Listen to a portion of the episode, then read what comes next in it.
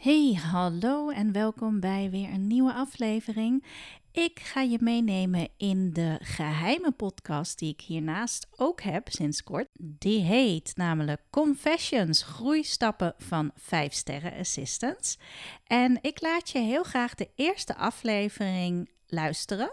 Daarin leg ik uit waarom ik de geheime podcast ben gestart. Ja, en zoals de naam al zegt, Confessions. Het gaat echt over bekentenissen die assistants, secretaresses hebben gedaan. Inzichten die ze hebben opgedaan tijdens trainingen of tijdens een traject dat ik met ze doorliep. Maar ook mijn eigen bekentenissen deel ik hier. Het is net wat intiemer en ja, als je dus ook luisteraar wilt worden van die geheime podcast van de Confessions over groeistappen van 5 sterren assistants, dan moet je me even mailen. maaike.corion.eu Mail me vooral, want dan krijg je de link naar de geheime podcast. En uh, ja, ik laat je dus nu de allereerste aflevering horen. En wie weet, uh, smaakt het naar meer? Je luistert naar Confessions van 5 Sterren Assistants over hun groeistappen, hun werkrelaties en ja, soms ook de struggles en onzekerheden die ze bij zichzelf tegenkomen. Ik vertel anoniem wat tijdens trainingen en coaching door mij met assistants is opgevallen, wat openbaringen zijn, wat waardevolle lessen zijn. Een plek waar dit in alle openheid en heerlijkheid besproken kan worden. Hey, je luistert inderdaad naar de eerste aflevering en eh, daarin wil ik natuurlijk even mezelf voorstellen. Misschien ken je me al wel, maar als niet. ik ben Maaike Knoester en ik geef met mijn bedrijf Corion trainingen en coaching aan assistants en support professionals. Ja, die heel erg uh, aangaan op persoonlijke ontwikkeling, op persoonlijk leiderschap. Um, ja, uitdagingen om zichzelf verder te stretchen dan in de comfortzone te blijven en te kijken wat zit er nog meer in voor mij. Nou, dat doe ik met heel veel passie en heel veel plezier al ruim 20 jaar inmiddels. En ik woon in België met mijn gezin, een samengesteld gezin. Heb een dochtertje samen met mijn man um, van drie. En ik had al eerder een zoon ook van, uh, nou, bijna 12. Dus dat is even in de notendop wie ik ben. Nou, en ik kreeg heel enthousiaste reacties van mensen die hoorden dat ik een nieuwe podcast, geheime podcast, wilde gaan opstarten. En misschien ken je ook de podcast die ik al heb, 5 Sterren Assistant Podcast. Nou, die is gewoon voor iedereen te beluisteren. Maar waarom wilde ik ook de bekentenissen van 5 Sterren Assistants in een geheime podcast doen?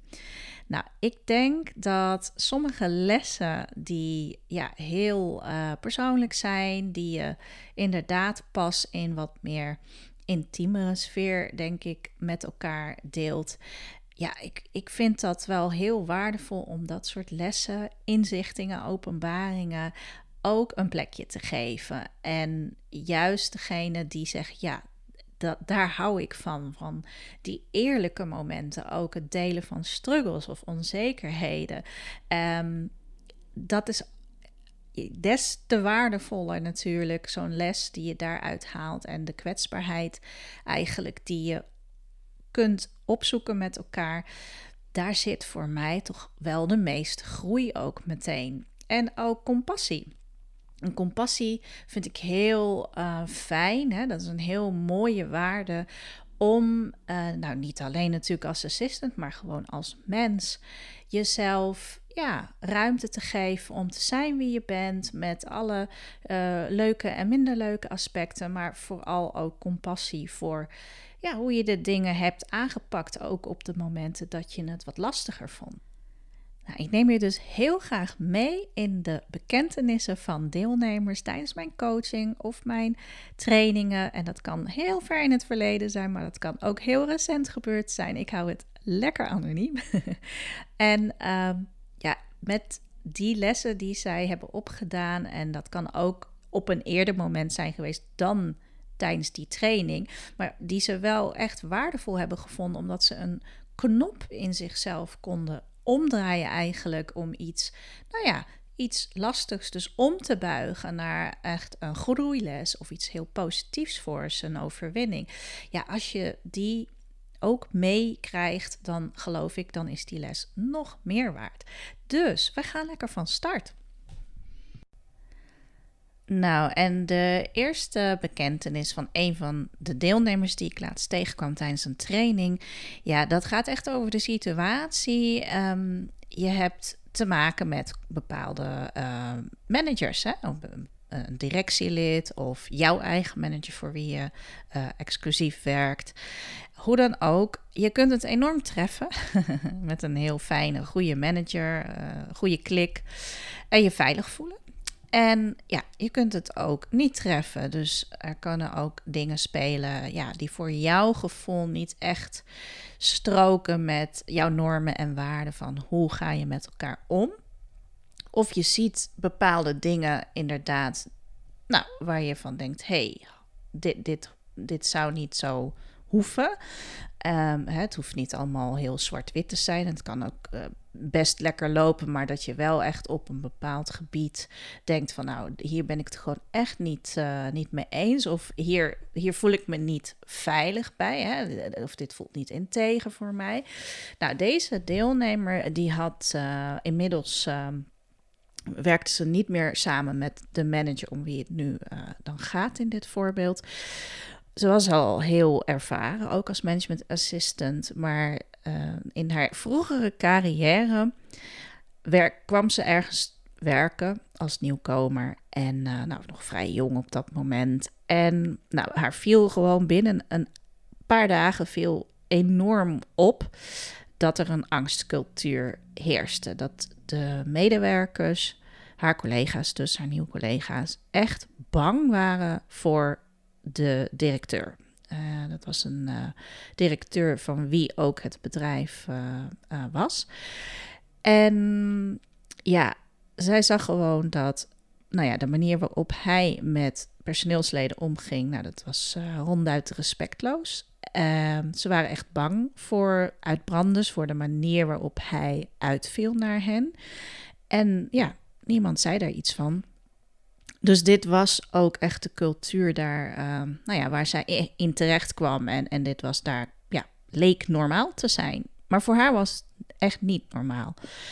En ja, zij sprak hem uh, daarop aan. Zij hebben een, uh, een wandeling gedaan, meen ik.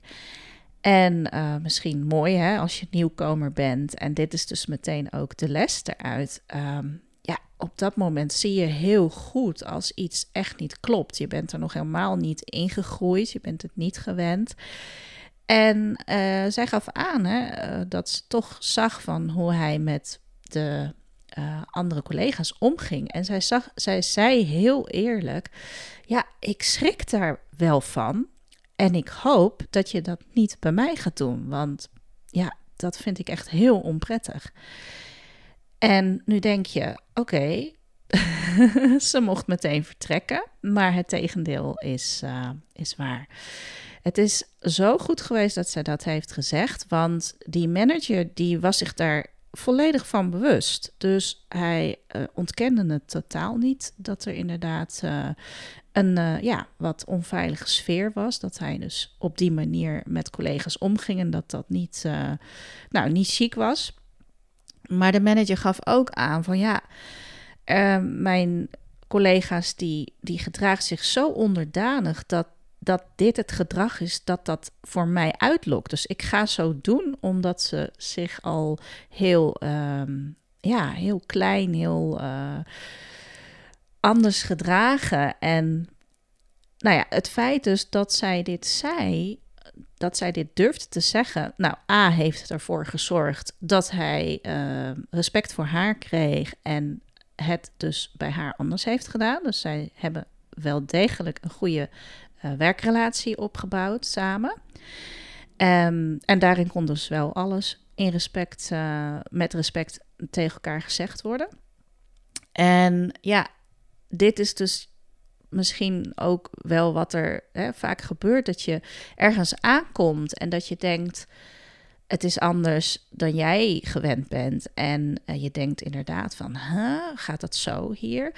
Dat dus de mensen daar zich er niet meer van bewust zijn dat het niet normaal is. En dat het dus per definitie heel goed is om dat te benoemen. Juist ook als, uh, als nieuwkomer.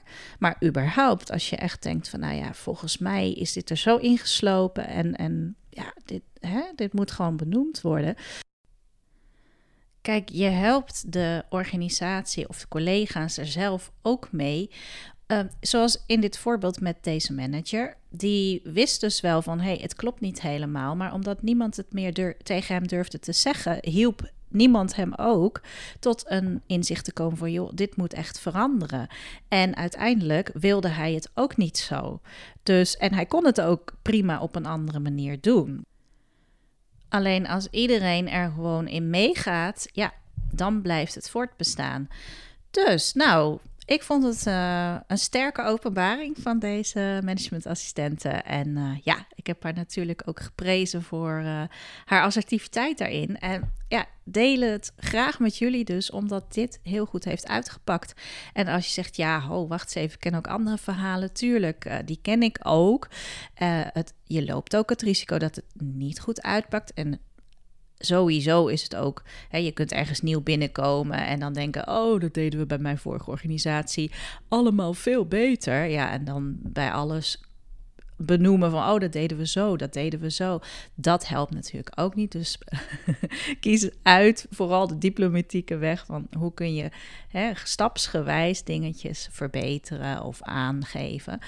Um, ja, en als het echt niet goed uitpakt, dan denk ik, is het ook goed. Want als iets niet strookt met jouw normen en waarden, of je voelt je er gewoon onveilig of niet, ja, het voelt niet integer voor je, waarom zou je daar dan blijven als men zegt. Nou, sorry hoor, maar uh, zo doen we het hier altijd al. En uh, ja, dan pas je hier misschien niet. Nee, dat klopt. Dan pas je daar waarschijnlijk ook niet. Maar meestal pakt het toch veel beter uit. Dus uh, nou, daarom deelde ik deze. En de volgende keer deel ik weer een andere. Hey, fijne dag. Nou, ik hoop dat deze bekentenis waarde voor je heeft gehad. En als jij hierop wilt reageren, heel graag mail me dan vooral naar maaike.corion.nl EU. En Corion is met een C. Uh, ook als jij iets hebt meegemaakt of een waardevolle les hebt te delen, um, nou, breng hem vooral in. Ik kan er natuurlijk hier over vertellen en hem delen weer met andere assistants, zodat jouw waarde mooi wordt doorgegeven. Heel graag en ik kijk uit naar de volgende aflevering.